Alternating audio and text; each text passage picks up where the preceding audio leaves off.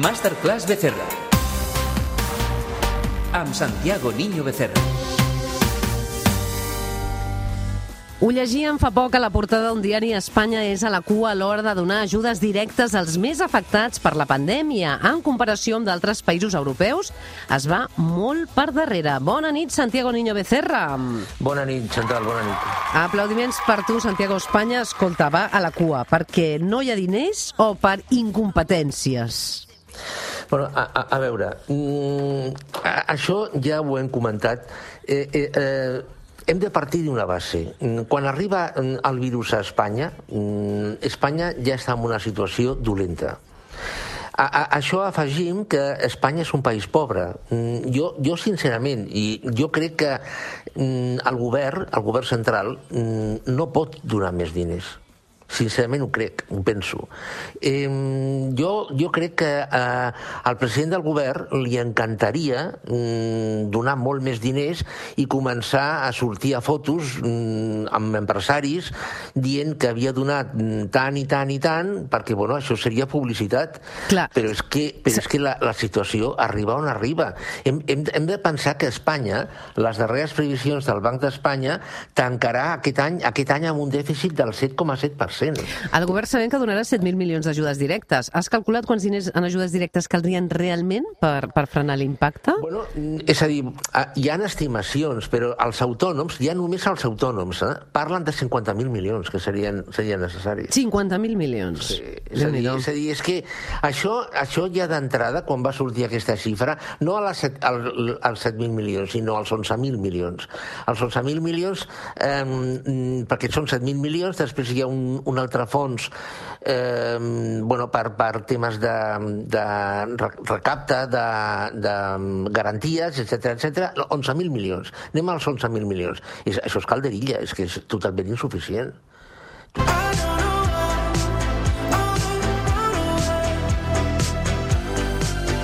Diu el Santiago insuficient i llegia Santiago fa poc eh, que aquest mes de març serà tristament de rècord pel que fa a empreses en fallida, oi que sí?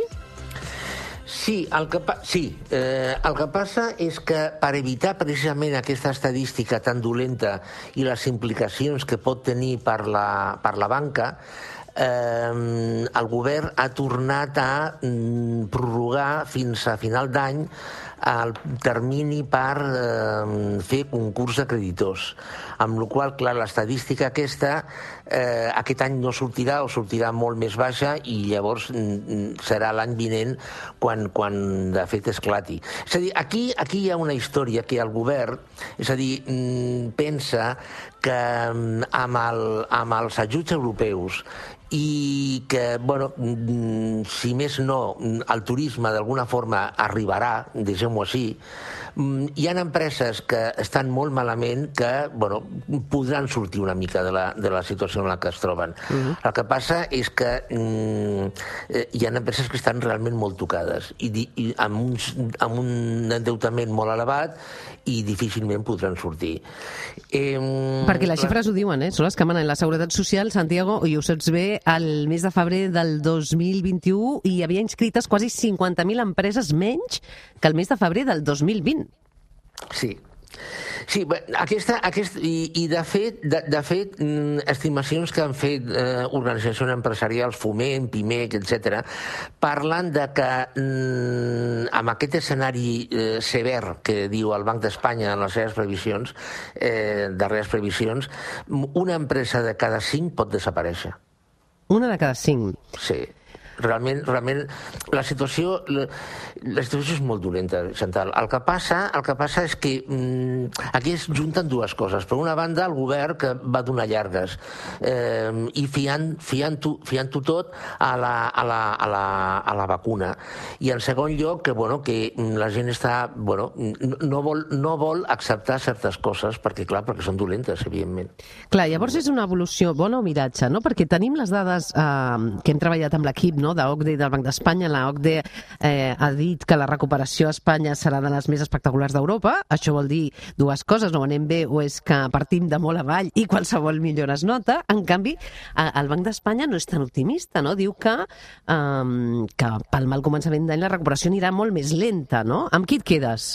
Amb, Bueno, tu, tu, tu sempre més negatiu que positiu, no? Bueno, no, no, No. no. crec. És, és que una cosa no, no treu l'altra. És a dir, eh, el que has dit al començament, eh, és veritat, Espanya és l'economia que més va caure l'any 2020, va caure a l'11%, Lla- llavors mm, és la que pujarà més aquest any perquè és la que, més, la que va caure més.